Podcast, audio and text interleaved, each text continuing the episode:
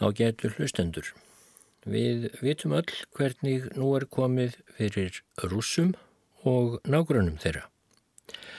En hvernig var ástandið þar í landi og í nágranna löndunum fyrir um það byl einni og hálfri öld? Ég ætla að skoða það í þessum þætti og líta í fréttarittið skýrni, hér um byl eina fréttarittið sem barst í hérna íslensku sveitabæi, það var reyndar skrifað í Kaupmannahöfn, gefið út af hennu íslenska bókmyndafélagi. Þegar frásögn skýrnis hefst árið 1878 þá var nýlokið stríði russa og tyrkja sem staðið hafði í eitt ár þarum byll. Tyrkir hafðu ráðið Balkanskaga í margar aldir í upphafi nútíma og stýrt skaganum frá höfuborg sinni Konstantinópel eða hinnum gamla Miklagarði. En ríki Tyrkja hafðu ferðið hnignandi allt frá upphafi 19. aldar. Fyrst Gríkir og síðan Serbar hafðu brotist til sjálfstæðis og því næst fleiri þjóður á skaganum. Það er þjóður á Balkanskaga sem játuðu hinn að grískættuðu orþódoksa trú, þær gáttu treyst á stöðning trúbræðara sinna russa í sjálfstæðisbaráttu sinni, en russar hafðu líka sjálfur mikinn áhuga á að auka við lendur sínar og ágindust mest miklagarð sjálfan. Því þá hefðu þeir ráðið siglingum um Bosporus og svarta haf orði nánast rústnest innhaf auk þess sem rússar hefðu þá farið að tegja áhrif sín inn á miðjarðarhafið. Í stríði rússa og Tyrkja 1877 til 78 fóru Tyrkir mjög hallóka og um tíma virtust rússar reyndar þess albúnir að ná Konstantinópel og með bandamönnum sínum, serbum, svartveillingum, rúmenum og búlgurum, ekki síst, Þá stóður rússar brátt nánast við borgarlið Konstantinópel. Evrópsku stórveldin, brettar og frakkar og þjóðverjar gripu þá í taumana og náðu að stöðva sóknur rússa svo þeir léttu sér á endanum næja að þjarmaða Tyrkjum við samningaborðið. Fyrst í viðræðum í San Stefano en svo var kallað lítið þorp í útjæðri Konstantinópel og síðan í framhaldsviðræðum í Berlín. Niðurstaðan varð helst svo að Tyrkir viðurkendu sjálfstæði Búlgaríu og annara nýra ríkja og Balkanskaganum og þrengdist nú mjög hagur Tyrkja á skaganum. En heyrum hvaða mynd Eiríkur Jónsson í Kaupmannahöfn, tíðindamadur skýrnis, dró upp af þessum atbyrðum og af ástandinu í Rúslandi almennt. Þar var Alexander Annar keisari við völd og hafði verið í rúm 20 ár. Alexander var umbótamaður á marganhátt og reyndi að færa Rúsland ögn til nútímans. Hann hafði til dæmis afnumið bændaánauðina Ílramtu 1861 en fór svo hægar í sækirnar en mestu umbótamenn vildu og reysu þá að preyfingar róttækra byltingarmanna sem áttur endar eftir að ganga af keisarunum döðum nokkrum árum eftir þá atbyrði sem hér segir frá. En Alexander hafði líka haldið óheikað áfram útþenslu stefnu fyrir ennara sinna en rúsum var mjög áfram um að leggja undir sig ný lönd. Alexander lagði undir sig svæði í Kaukasusfjöllum og Miðasíu og Sýberju auk þess sem hann barði niður sjálfstæðisvilja pólverja. Afleiðingarnar örðu oft hrottalegar, svo sem skefjalauðs fjöldamorð og reyndar hæðarleikur að tala um þjóðarmorð á sirkasíumannum í Kákasusfjöllum. Þá drápur úsar meira en miljón kirkasíumanna og var um að ræða einhverjar grimmilegustu aðfarir sem mannkinnið hafði þá upplifað. En rússar vilja náttúrulega ekki viðurkenna en þann dag í dag að neitt hafi gerst. En lítum þá í skýrni árið 1878 og heyrum hvað tíðindamadur blaðsins taldi rétt að færa íslensku búandfólki af fréttum frá Rúslandi það árið. Ég hleypi yfir sjálfar stríðsfréttirnar af stríði rúsa við Tyrki en síðan segir Í fyrsta kapla Ritz Wars er sagt frá þrautum rúsa og afreikum í stríðinu og svo af því sem þeir ætluðu sér í sigurlaun í San Stefano og þjóðunum kristnu á Balkanskaga til betra hags og réttar. En þegar rússar og tyrkir höfðu byrt sáttmála sinn, þá letu englendingar svo til sinna kasta koma og er það sérilagi eignað Sjúvalov sendi herra rúsa keisara í Lundunum eða hans fortölum með tilstuðningi þjóðverja að samkominlag varðum nýjan fríðarfundi í Berlín. Sem nú er komið málunum verður það þá fyrst fyrir að skilja og samþykja hvað Rúsland fær fyrir ómagsitt í stríðinu og hver skipan verður á högum þjóðana á Balkanskaganum. Það er líkast að rússar hljóti að sætta sig við nokkuð minna en þeir hafa sér áskilið, en nauðugir gefa þeir upp kröfur sínar til Bessarabíu eða Moldófu og sömulegðist til Batúm í Littluasíu í Kaukasusfjöllum ef að því skildi koma. Alexander rúsakeisari lést ekki hafa ætlað að vinna neyn lönd undir sig þegar hann tók til atfara á hendur Tyrkjum en hitt mun honum þó þykja sér til vorkunar virðanda þótt hann tæki einhver lönd af Tyrkjum upp í bótagjaldið eða herrkostnaðin. Öðrum áli gegnir þó um Bessarabíu því súkrafa er heldur ágirndarleg þar sem bandamenn rúsa eiga í hlut sem hann vil taka landið frá. Hins vegar munum margir líta svo á að rússar séu nógu viðlendir orðnir nú þegar og að hennu mikla ríki þeirra og þjóðinni rúsnesku sé annars meira vant en að abla meiri landmegins og aukinnar mannmerðar. Svo lengi sem ófrelsi, vankunnáta og margskonar óþreifnaður er enkennismerki á þjóðlífi rússa en áþján, ofbeldi og hervaldsbragur stöðugur á stjórn þeirra á öllu ríkisfari Þá er ekki von að þjóðir og ríki vorrar vesturálfu óski að russar verði voldugri en þeir þó eru nú. Um þá og hverja aðra má hefði sama segja sem sagt hefur verið um Tyrki að þeir eigaði ekki skilið að drottna yfir öðrum þjóðum ef drottnunin verður þeim að ófarsælt og framfara leysi. Þau týðkast nú hinn breyðuspjótin og svo má að orði hveða um liðsabla russa sem og reyndar fleiri herrþjóðana í Evrópu á vorum dögum. Allt um það þykir reyndin hafa borið líkur til að russar myndu vart verða svo skæðir sem þeir stýra fjöldanum til ef þeir ættu við þá sem Tyrkjum eru snjallari og eða hefðu meira bein í hendi.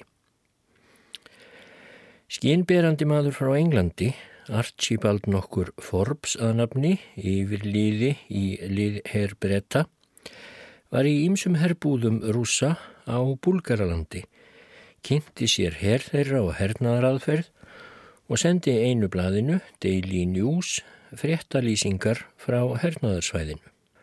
Og hann lísti þar hverjum um sig, rúsum, búlgurum og tyrkjum. Hann ber bæði hermönnum og fyrirliðum þeirra vel söguna fyrir hreisti og þrautgæði og engum dáist hann að því hver vel hermennir hafi þólað sult og seiru og segir að þeir hafi oft neitt umkvörtunar lust þeirrar fæðu sem aðrir myndu hafa kallað hundamatt en ekki manna. En þar sem Forbes jafnar saman rúsneskum og tyrkneskum hermönnum þá heikar hann ekki við að segja að Tyrkir séu miklu vaskari bardagamenn og þeir séu sem þeir væru herrmenn fættir en þar sem hinnir, russar, væru búkarlar borðnir. Í sókn og bardögum sjáu herrmenn Tyrkja það skjótt sem til úræða má nýta og geri það af sjálfskotum en russar verða að býða bóðana til en það gegni það furðu hver lítilsildir rússar séu í mentun og uppfræðingu. Það er auðvitað að rússar koma í herin rétt eins og þeir eru heima aldir að uppfræðingunni til og þó víða í Evrópu sé uppfræðingu ábóta vant þá mun hverki hveða meirað fákunnáttunni en á Rúslandi. Þaðan eða úr almennu félagsfari rússa er það allt kunnugt sem Forbes finnur að herr þeirra og herrstjórn. Aðalbrestir fyrirliðana, æðri og lægri og lítinn á stjórn hersins og allt sem að hernum varðar, segir Forbes að sé enganlega þetta. Að svo mörgum rúsum sé ekki allt til að þykja mútur gera sig að þeirra vildarmönnum sem yfir þeim bjóða eða þeim geta framkomið á herri stöðvar og hitt eigi síður að ábyrðartilfinningin sé hjá flestum rússum döfari en góðu hófi gegni.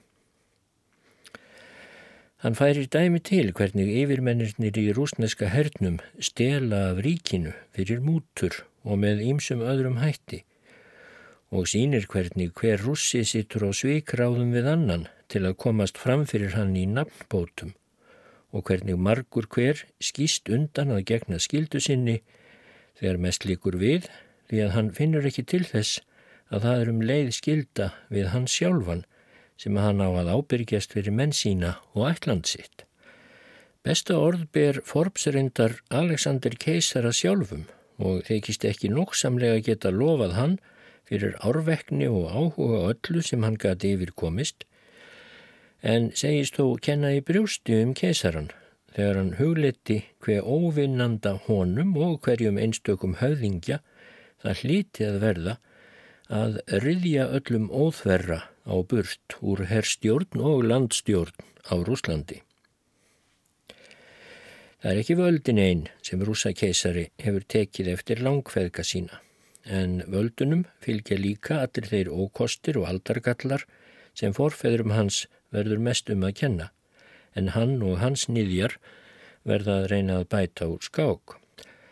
Það verður ekki gert í svip að gera úr þræli frjálsan mann eða þrælslund að göfugum hug og það er því örðugra fyrir einvald rússa sem keisaravaldið hefur ávald orðið og verður enn að óttast allt frelsi og verður að hafa fjötrana í handráðanum, hvenar sem einhver svo reyfing verður sem stendur af anda og ljósi vorar aldar.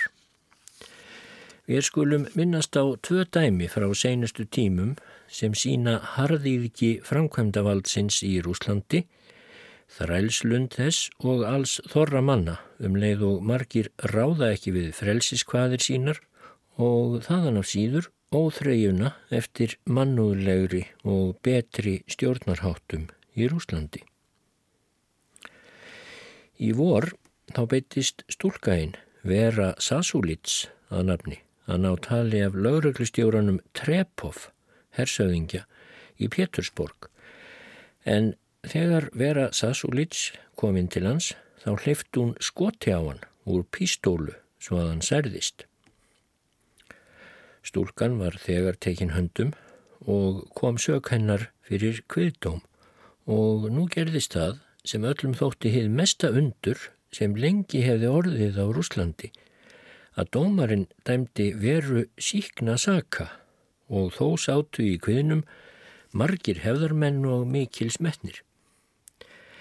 Það kom fram í rannsóknmálsins að Vera Sasulits hefði orðið fyrir hörmulegri meðferð af löggæsluvaldsins hálfu og af því hefði hún fengið það hattur á því og gremju að hún væri valla sjálfri sér ráðandi.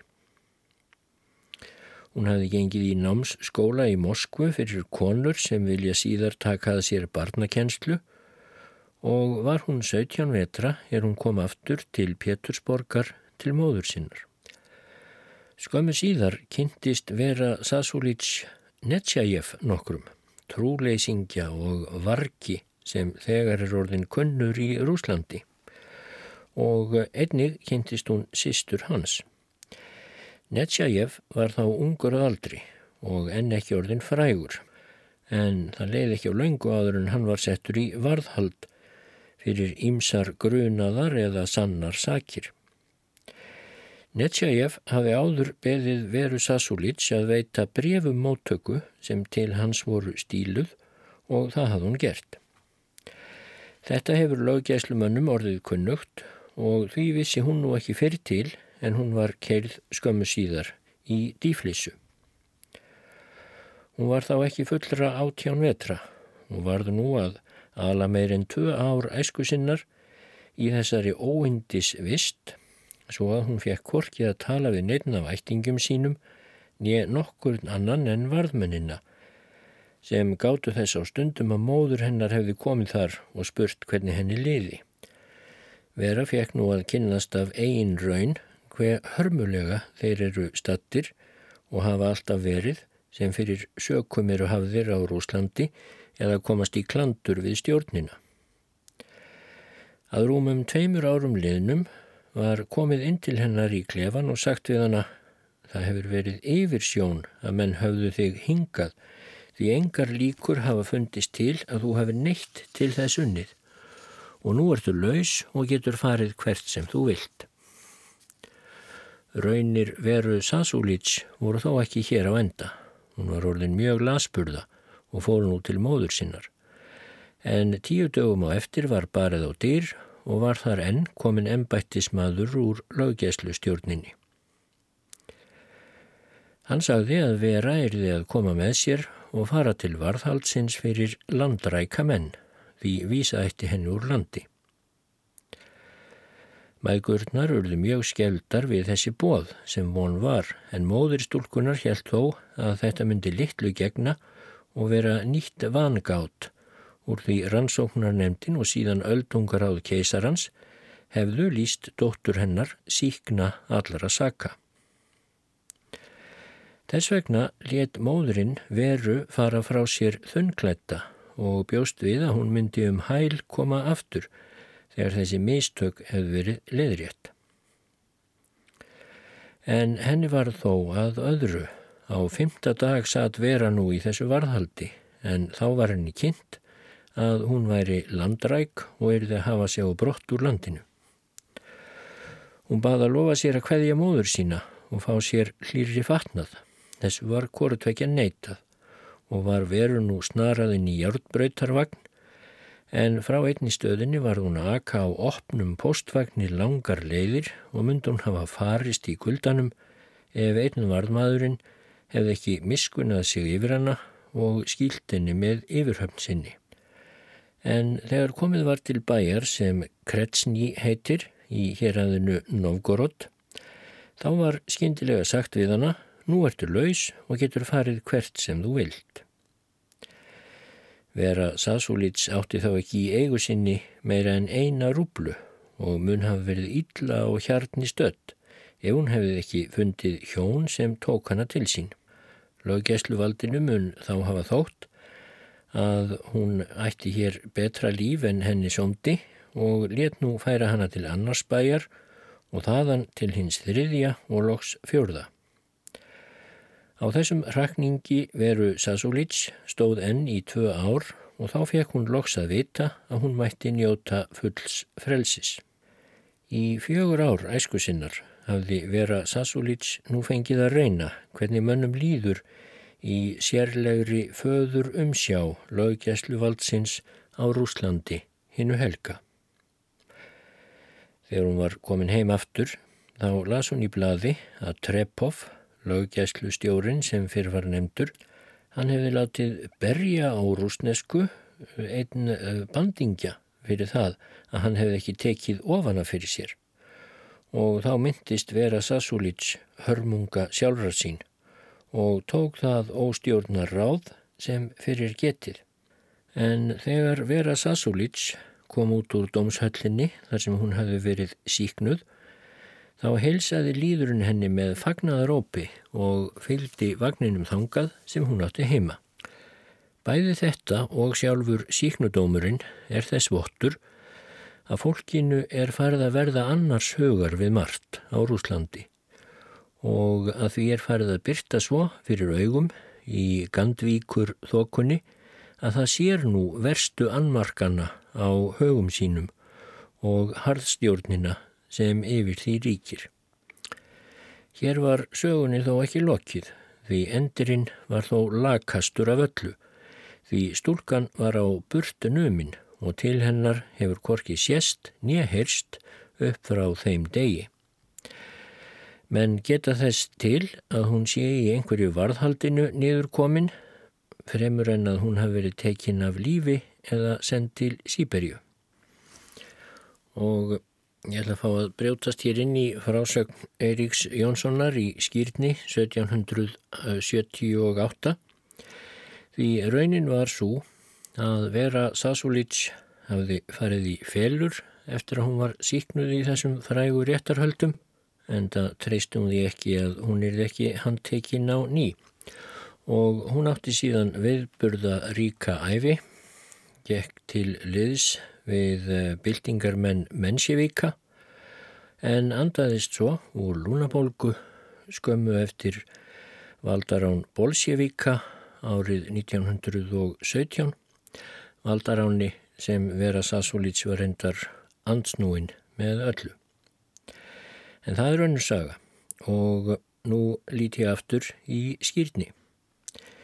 Hinn sagan sem segir sína sögu um ástandið í Rúslandi nú á dögum, hún er svo að stúdendar við háskólan í Kíjef hafðu í vor gert sig seka í einhverju því sem ofþrekja þykir á Rúslandi Þeir höfðu talað djarflega um stjórnar annmarka og ófrelsi og fleira þess áttar og fyrir þetta áttu stúdendarnir í Kíjef að sæta Sýberíu vist. Þeir voru fluttir á hjáttbröðinni til Moskvu en meðan ekki var með þá til næturstaðar í borginni þá þyrptist fólk saman á strætunum og ætluðu sumir að þetta væri menn sem kemu heim aftur úr herförinni til Tyrklands og hefðu setið þar í fangabúðum Tyrkja og var stúdendunum því tekið með mesta fagnaði. En hinnir ungu menn gafu stúdendunum í Moskvu að skilja hvernig á stæði og báðu þá að hjálpa sér um fött og peninga því handtakan í Kíef hafði komið þeim svo óvart að þeir hlutu að fara af stað fáklættir og allslausir sem er meira að segja án höfuðfatta sinna.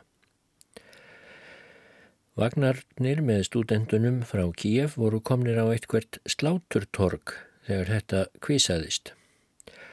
Og hér stukku slátrararnir út í mannþyrpinguna og eftir Þetta eru samsærismenn, þá skal drepa, þeir eru fjendur hins heilaga Rústlands og svo tóku slátrararnir sem stóðu kringum vagnana að leggja að stúdendunum frá Kíef með nýfum sínum. Af þessu varðu laung og skæð baráta því fólkið vildi verja sig og fengu margir hættulega áverka og sömur líftjón. Það enginnilega við þennan atbyrð var það að löggæslumennirnir komi hér hvergi nærri og það var sem þeim hafi þótt þeir fá skellin sem skildu og stúdendarnir ætti ekki betra skilið fyrir mótróa sinn gegn kesarastjórninni. En þegar slátrararnir og aðrir sem þeim feildu vildu brjótast inn í háskólan og svala sér á stúdendunum í Moskvu, þá kom þó borgarstjórin, Dolgurukov, fyrsti, til þeirra og bað þá að sefast og hætta. Katkov nokkur, frægur rittstjóri, fór um þetta orðum í Moskva tíðindum sínum og sagði Nú hefur allþýðan svarað því nextli sem snirti fólkið gerði í Pétursborg 11. april en það var þann dag sem Vera Sasúlits var dæmt síkn saka. Þeirra orða var von af ramrúsneskum skörungi. Því Katkov fannst sem sagt að stúdentarnir ætti ekki betra skilið en á það væri ráðist fyrir að voga sér að lýsa andstöðu sinni við stjórn kesarans. Árið setna þá ljóðar Rúslandskablinn í skýritni á þessa leið og hefst á tilvitnun úr kvæði sem ekki er nú getið hvað sé Vondir menn er í hendi hans, byrtingar vandur, syndusm hans. Þetta má vel heimfæra upp á russa og líka syndaran í Miklagarði, þar að segja Soldán Tyrkja. Allir vita að það hefur verið meira af ágirnd eða drottnunargirnd en góðvilja sem rússar hafa ráðist á Tyrkjan og þóst ætla að leysa trúbræður sína á Balkanskaga úr ílum fjötrum. Men eiga eins bátt með það nú sem fyrr að trúa því að rússar kenni í brjóstegum hvernig farið er með menn, svo óþyrmilega og böðulslega sem þeim er tamt að fara með þá alla heima hjá sér sem þeir gruna um óhóllustu við sig, eða verða kerðir fyrir óleifileg orði eða gjörðir í hinnu ennþá helgavaldi sem ríkir á Rúslandi. Granville Murray heitir ágætur rittufundur enskur sem ferðast hefur á Rúslandi og skrifa lýsingu á þegnlífi rússa og hugsunarháttum. Hann segist hafa talað þar við ímsa menn, er hafi á dögum Nikolásar keisara hins fyrsta, hort á að konur voru barðar til dauða með kaðalsvipum fyrir þá sög eina að þeim hafði hrotið æsingar orð af munni gegn stjórn keisarans. En hefur rúsum þá ekki verið alvara þegar þeir hafa látist fara krossfarir sínar mót Tyrkjum til þess að frelsa frendur sína á Balkanskaga. Svo kynum henn að spyrja. Ef það væri alþýðan á Rúslandi, svo blind sem hún er og hjá trúarfull sem hefði ráðið herförunum, þá mætti svo sem vel svara hér að hugur hefði fyllt máli en öðru máli gegnir um mentaða fólkið um aðalsmennina og skólagengnamenn á Rúslandi. Því hér þykist hver sá maður mestur sem hefur kynnt sér trúleisiskenningar frakneskra og þýskra rituvunda en það segist kunnugumannum svo frá um trúrækni þess fólks að hún sé meir af hræstni og yfirdreipskap en alvöru. Allt um það hafa rússar afreikað það fyrir þjóðflokkana frændur sína á Balkanskaga sem þeir þurftu og áttu rétt á en sálóti þar skellin sem skildi. En í sitt hlutskipti náðu þeir ekki það að taka sem þeir hafa lengi sóst eftir og þeir munu hafa haft það undir síðustu atförunum sem hinnum fyrri. Þar að segja þeir hafa ekki ennáð Konstantinopel sem nú er í horf komið þá verða það ekki rússar sem setjast í byggðir og ból Tyrkjans ef hann líður undir loki Evrópu heldur þær þjóðir sem hafa verið honum svo lengi háðar. Men þykjast vita að rússar muni reyna að fremsta megni að rétta það við sem úr lægi var fært fyrir þeim í Berlín að þér snerti Búlgaraland og takmörg þess en rússar fengu alls ekki jafn stórar sneiðar og þeir óskuðu af því. En nú er svo tilgætt að það verða búlgarar sjálfur sem ná þjóðurnis rétti sínum ef þeir komast allir í eitt lag saman en rússar standa engunær eftir en áður. Hið heilaga Rúsland, en svo nefna rússar landið þar sem tsarin drotnar, Síðleysið gengur þar húsum herra en 70 til 80 miljónir manna liggja í dróma, heimsku og þrælkunar. Tsarin ræður einn öllu, vald hans er ótakmarkað, segir í lögum rúsa. Í spurningar hveri barnanna á Pólandi stendur að hver af þegnunum sé skildur til þess að veita tsarnum tilbeðislu. Þegar tsarin hlýðir messu og svo framvegis í Ísakskirkjunni er svo farið orðum um það í blöðunum að hans hátign hafi þóknast að falla fram og gera bæn sína. Jákað meira er þegar honum batnar af einhverjum lasleika þá er svo kurtistlega aðkveðið í blöðunum að hans hátign hafi þóknast að taka bata Herra er bátt manna setja en rússar setja tsarin sinn og þegar hér við bætist að tsarin á alla fjárhyrslu ríkisins og getur tekið úr henni svo mikið sem hann vill, þá skildum en ætla að hér myndi svo dýrt drottins orðið að allt færi að keisarans bóði og bendingu. En þessu víkur þó ekki svo við. En mitt af því að tsarnum á Rúslandi er allt ætlað, þá verður hann jafnan upp á aðra komin og hafi hann sjálfur ekki því meiri kjark og bein í hendi, eins og til dæmis Pétur Mikli eða Nikolás keisari fyrir fáinnum áratögum, þá verður hann jafnan þess manns verkværi sem hann hefur mest tröst á. Því meira sem tsarin eða keisarin reynir að sannfæra sjálfan sig um að hann einn skinni allt, viti allt, ráði öllu, því meira verður hann á tálar dreyin af þjónum sínum og embættismönnum. En þar sem mönnum þykir svo lítið fyrir að beita innvaldsinn táli yfir drepskap og lígum þá má næri geta hvernig þeir verða beittir bröðum sem neðarstanda. Það er sagt um Alexander Keisar að hann sé góðlindur og viti borin í ágætu meðalagi en hann hafi ekki haft þann kjark eða þreg sem hann hefði þurft til þess að það yrði ekki svo ávakstar lítið sem reynst hefur sem hann hefur viljað framfylgja. Lausn bændafólksins er vissulega eitt af hans mestu mikil ræðum en lendir menn og landeigendur voru henni mjög mótfallnir og hafa gert hvað þeir hafa getað til þess að lausn bændana erði þeim heldur til óhæmingju en heilla. Geisarin vildi koma á nokkur skonar héraðaráðum en embættismenn hans og aðalsmenn voru ekki lengi að gera þau tortryggjileg svo þau eru nú horfin úr sögunni.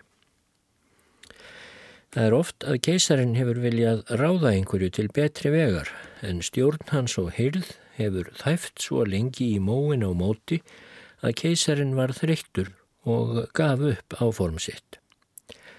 Það er sagt um Alexander keisara að hann hafi sótt heldur þunglindi á setni árum og sé orðin heldur sinnu lítill um ríkismál og stjórnarefni.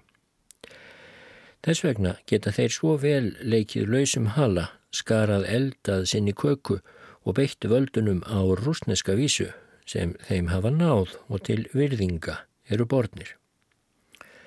Hinn verðnemdi höfundur Grenville Murray segir nokkur dæmi upp á rúsneska aðferð í stjórn og umbóðum. Hann minnist á að Rúsland hafi ekki minna en 576 miljónir króna í tekjur af brennivinskjaldi. Þess vegna var hver sá barinn fyrir 20 árum sem talaði á móti brennivinstrykju en í suma var brennivinni helt nauðuga. Um mannúð stjórnarinnar rúsnesku væri maður mest að vita á Pólandi. Það er sannast að orði kveðið að hér sé verið að tróða heila þjóð í hel. Ef pólendingurinn á að eiga sér nokkurar framkvæmdar von fá viðurværilega atvinnu til dæmis við verslun eða ef hann á að fá að kaupa land og svo framvegis þá verður hann að ganga af sinni katholsku trú, læra rúsneska tungu, þóla ummæla laust að feður hans pólskir séu nýttir og kallaðir bóvar og ræningjar en það verður hann mest að varast að mæla eitt stigðar yrði um meðferðina á sér. Því kvartian svo uppkomist í áhern útlendra manna þá er pólverjanum síberjuvistinn af öllu vísust.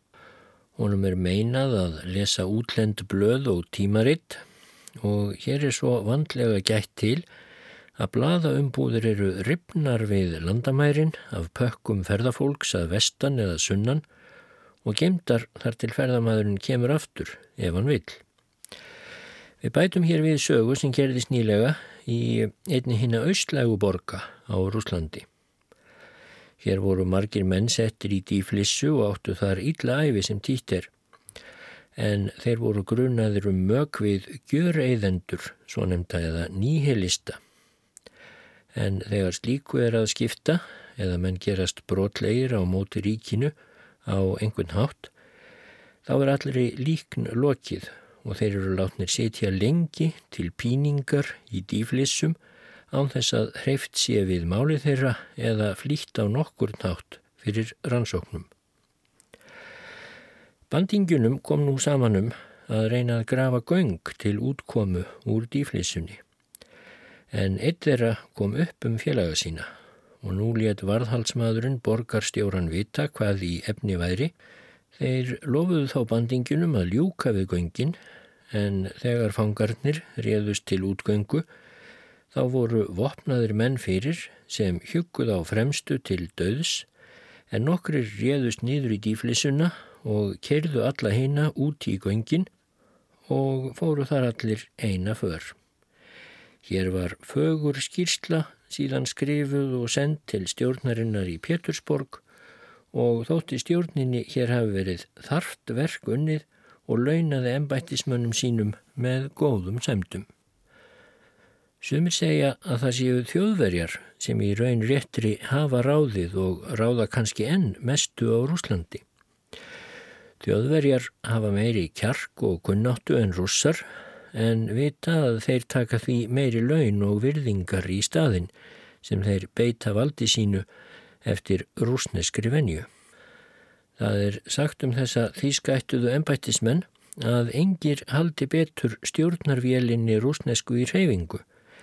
Þeir seilast í umbóðstjórninni mest í löggæslu ennbættin og í hernum skipa þeir helst fórustunemndirnar.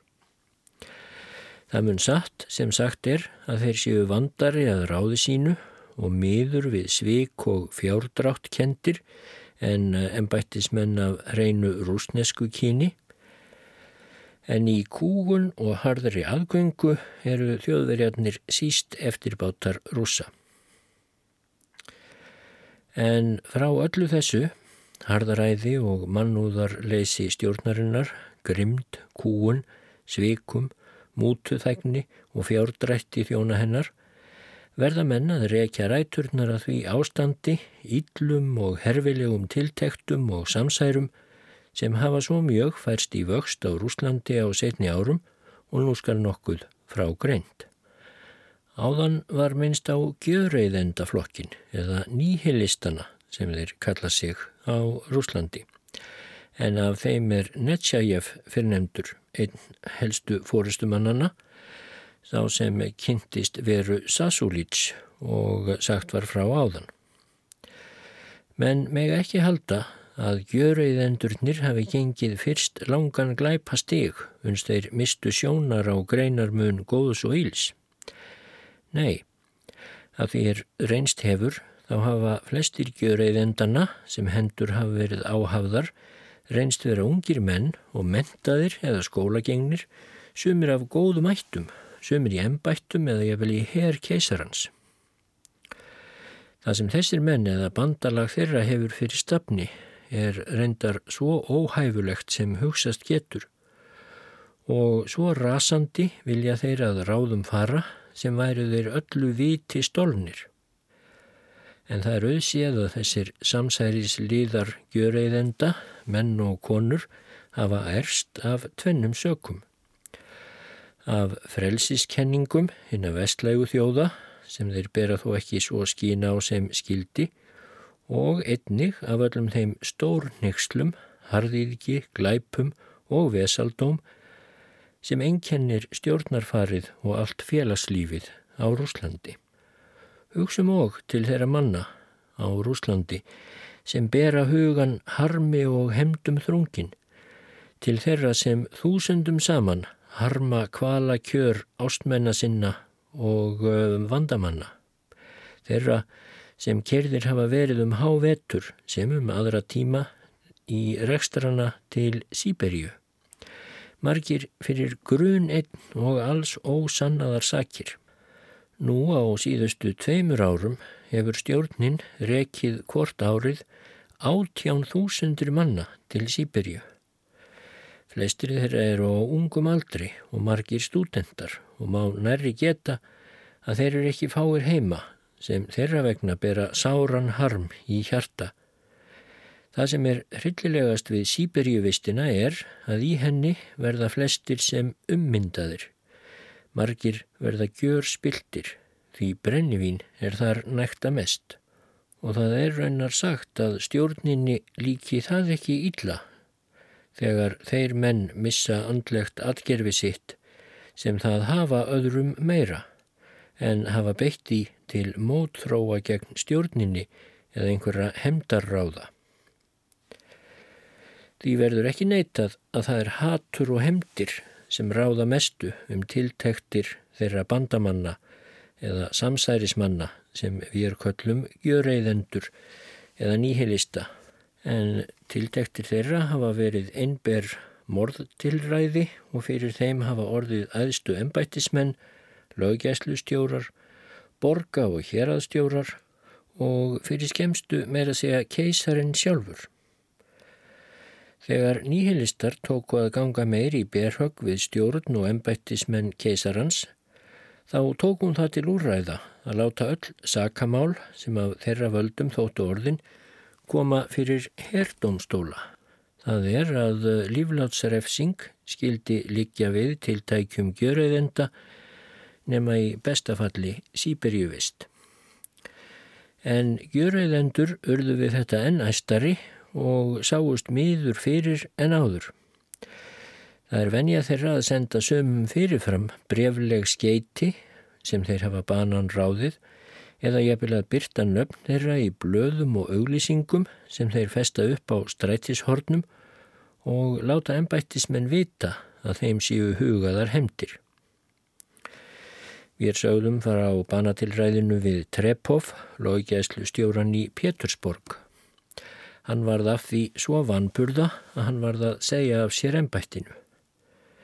Menn ætla nú að nýhilistar hafi haft hönd í bakka en stúlkan vera Sasolits sem vann á lauruglustjórunum komst á burt og úr landi eftir að hafi verið síknuð. Sá næsti sem hemd gjörauðendana kom nýður á var aðstóðurmaður Kollarevski að nafni hjá ríkisaksóknaranum í Kíef. Að honum hlupu þrýr menn á stræti um albjartan dag í júni og veittu honum bana með markleipingaskotum.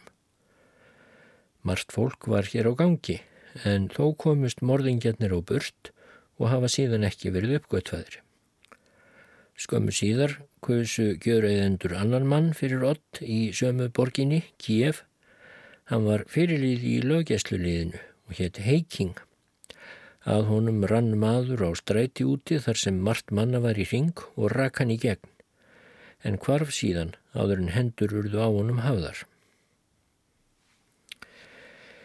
Eftir Trepov var sámaður, hersöfðingin okkur, settur yfir löggjæslu stjórnina eða þriðjú kansili deild keisarans og hétt hann Mesensov. Nýhilistar let hann vita að hann væri komin á listan og þann 16. ágúst um dagmál réðust tveir menn áðunum vel búnir og rak annar hann í gegn, nálagt hjartanu, en hinn lefti úr pístólu að höfðinu. Skotið reið þó framhjá.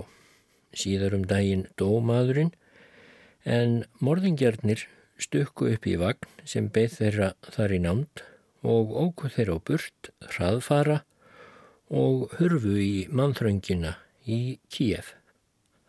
Og þannig var ástandið í Kíef, höfuborg Úkrænu, þá. En nú skulum við ljúka þættinum á því að hlusta á þjóðsöng Úkrænu.